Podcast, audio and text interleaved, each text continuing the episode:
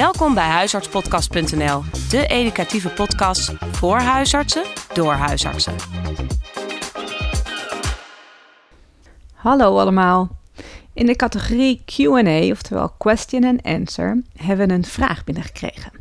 Loes Wouters, derdejaars AJOS en Danielle Dekkers, de opleider, hadden een leergesprek over de overgang. Het klinkt een beetje als een LHK-vraag, maar, uh, maar ze hadden dus echt een leergesprek. En deze vragen kregen we daarover binnen. We hebben het uiteraard in de overgangspodcast hebben het over uh, hormoonsuppletie gehad en over de anticonceptiepil en de risico's daarvan, contra-indicaties en, uh, en de bijwerkingen. De eerste vraag gaat over de anticonceptie. Wat is het advies bij vrouwen in de perimenopauze die een anticonceptiewens hebben? In de huidige NRG-standaard staat de orale anticonceptiepil of de spiraal. Maar wordt de pil nou niet juist ontraden rond deze leeftijd? Vraag nummer 2, dat gaat over de hormoonsuppletie. In de podcast wordt uitgelegd dat hormoonsuppletie via pleisters, sprays of gel als voordeel hebben dat ze niet het first pass effect hebben van de lever, waardoor je dus stabielere spiegels krijgt en ook minder trombogeen. Waarom is dat dan niet bij alle vrouwen de eerste keus voor hormoonsuppletie in plaats van orale hormonale suppletie? En de laatste vraag is: is er al meer bekend over de NAG-standaard, de overgang? Nou, we bellen Dorenda. Nou, luisteraars, we hebben Dorenda van Dijken weer ondertussen aan de lijn. Hallo Dorenda. Hoi. Hoi. Nou, wat leuk dat je deze vragen wil beantwoorden. Ik heb ze net al voorgelegd aan de luisteraar. En uh, ik ga jou de vragen stellen en dan mag je ze direct uh, daar een antwoord op geven. Nummer 1. Wat is het advies bij vrouwen in de perimenopauze die een anticonceptiewens hebben? In de huidige NAG-standaard anticonceptie staat de orale anticonceptiepil of de spiraal. Maar de pil wordt hier niet juist ontraden bij deze leeftijd. En ik denk dat zij dan doelt op het mammacarcinoomrisico bij 10 jaar gebruik van de anticonceptiepil. Wat vind jij hiervan? Een anticonceptiewens bij een perimenopausale vrouw? Ja, dan ga ik er eigenlijk vanuit dat je weet dat ze in de perimenopauze is, omdat ze nu nog geen anticonceptie gebruikt, maar wel een anticonceptiewens heeft. We weten dat boven de 40 langdurig pilgebruik, langer dan 10 jaar, inderdaad een iets verhoogd risico op mammacarcinoom geeft. En je zou dus dan afhankelijk van de leeftijd en de bloedingsklachten met wens tot anticonceptie inderdaad kunnen kiezen voor een hormoonhoudend uh, spiraal. Dat is een goede optie, die werkt ook goed op bloedingsklachten. En kortdurend pilgebruik is natuurlijk helemaal niks mis mee. En je hebt uh, pillen uh, met het synthetisch oestrogeen. Uh, dat zijn de standaard anticonceptiepillen, maar je hebt ook pillen met het natuurlijk oestrogeen, het estradiol. En die pillen sturen vaak ook goed op eventuele ja, overgangsklachten die je in de perimenopauze zou kunnen hebben. En het continu doorslikken van de pil, daarmee haal je natuurlijk die bloedingen eruit. Het is dus een beetje afhankelijk van welke leeftijd, hoe lang ze al de anticonceptiepil heeft gebruikt en welke wensen daar ook nog bij komen hè, qua overgangsklachten en bloedingsklachten. Ja. ja, want ik bedacht me omdat de vraag echt is van in de perimenopauze. Dus dat betekent dat je al de diagnose perimenopauze hebt gesteld.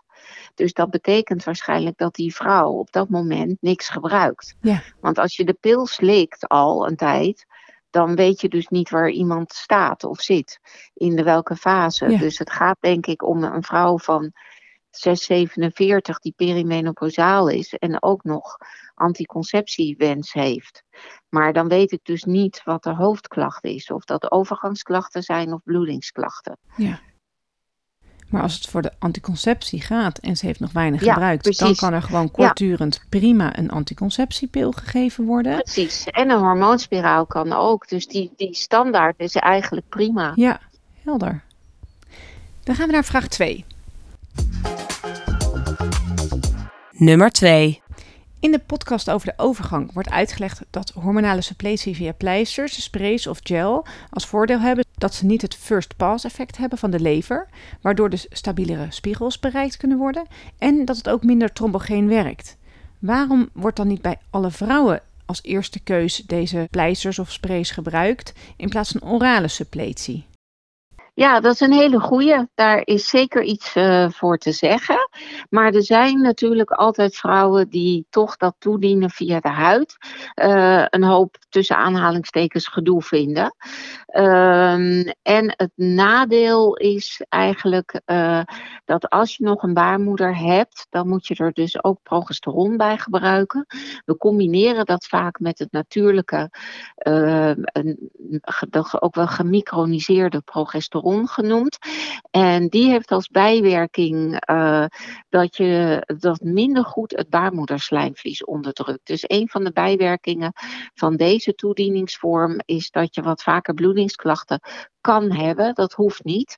En veel vrouwen die bijvoorbeeld de pil al gewend zijn, die vinden het gewoon makkelijker om één tabletje per dag te slikken. En dat is het dan. Dus het is meer de, uh, de toedieningsweg en het gebruiksgemak, waardoor sommige vrouwen toch nog voor een tablet kiezen.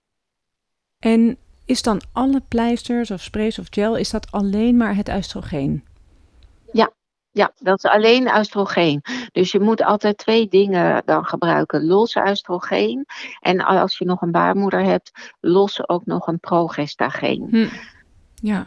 En met de pleisters mag je bijvoorbeeld ook niet direct in de zon, die zie je zitten. Sommige vrouwen vinden dat vervelend, hè? bijvoorbeeld als je vaak naar de sauna gaat.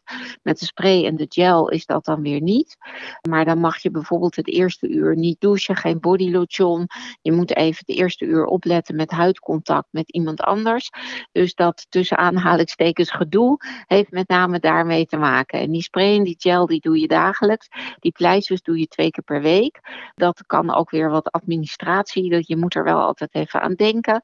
En een tabletje is vaak, ja, het zit meer sneller in de routine. Maar het blijft altijd een persoonlijke voorkeur. Hm. En hoe zit het met de kosten? Uh, ja, hormoontherapie is eigenlijk uh, is super goedkoop. Daarom, uh, het is geen business. wij schrijven in Nederland weinig voor, dus we hebben ook weinig keuze uit producten. Minder dan in andere landen, want het, het, het, is heel, het, is, het kost heel weinig. Ik denk dat je per maand ik hou me daar nooit zo heel erg mee bezig, maar uh, uh, per maand zit je op een paar euro. Uh, ik weet het alleen van de gel. Zo'n pompje gel kost ongeveer 5 tot 7 euro en daar doe je twee maanden mee. Okay, dus, dus er wordt weinig in die business, wordt, er wordt weinig aan verdiend hm, ja. door de farmaceuten. En ja, dus het is, het is goedkoop. Ja. Dan gaan we naar de laatste vraag. Dat ging over de NRG-standaard van de overgang, de nieuwe, de herziene. Heb jij enig idee wanneer die uit gaat komen? Ja, zeker. Hij uh, is al eigenlijk zo goed als af. En dat betekent dat hij waarschijnlijk na de zomer komt hij in de zogenaamde commentaarfase. Dus dan krijgt iedereen al ter inzage. En dan wordt hij waarschijnlijk begin 2022 is hij definitief ook voor niet-zorgprofessionals te lezen. Uh, maar uh, na de zomer hebben we al wat meer inzage in de tekst. Ah, Oké. Dus 2022 is die echt publiekelijk beschikbaar waarschijnlijk. Ja, dat is het tijdspad wat er nu ligt. Ja. Nou, mooi. Dan, ja. Dorenda van Dijken, hartelijk dank voor deze antwoorden. En uh, ik hoop dat uh, Loes Wouters daarmee verder kan. Ja, nou, heel graag gedaan. Nou, dat was een Q&A over de overgang. We vinden het echt heel leuk om hier vragen over te krijgen. En uh, zoals je ook al merkte met de sprekers, die vinden het ook heel leuk om de vragen van de huisarts te kunnen beantwoorden. Je kan ons op verschillende manieren bereiken. Dat is op de website van huisartspodcast.nl. Kan je een eh, bericht achterlaten, dan krijgen we dat per mail binnen. Of uh, er staat ook een WhatsApp-nummer bij. Dat kan je ook een uh, berichtje daarop sturen. Of een, voice memo inspreken. En dan kunnen we zelfs die voice memo gewoon ook in die podcast plakken. Nou, hartstikke leuk. En tot de volgende QA. Loes Wouters, jij bedankt. Tot ziens. Bedankt voor het luisteren. Bekijk ook onze website op huisartspodcast.nl. Voor vragen of suggesties kun je mailen naar huisartspodcast.gmail.com. Tot de volgende keer.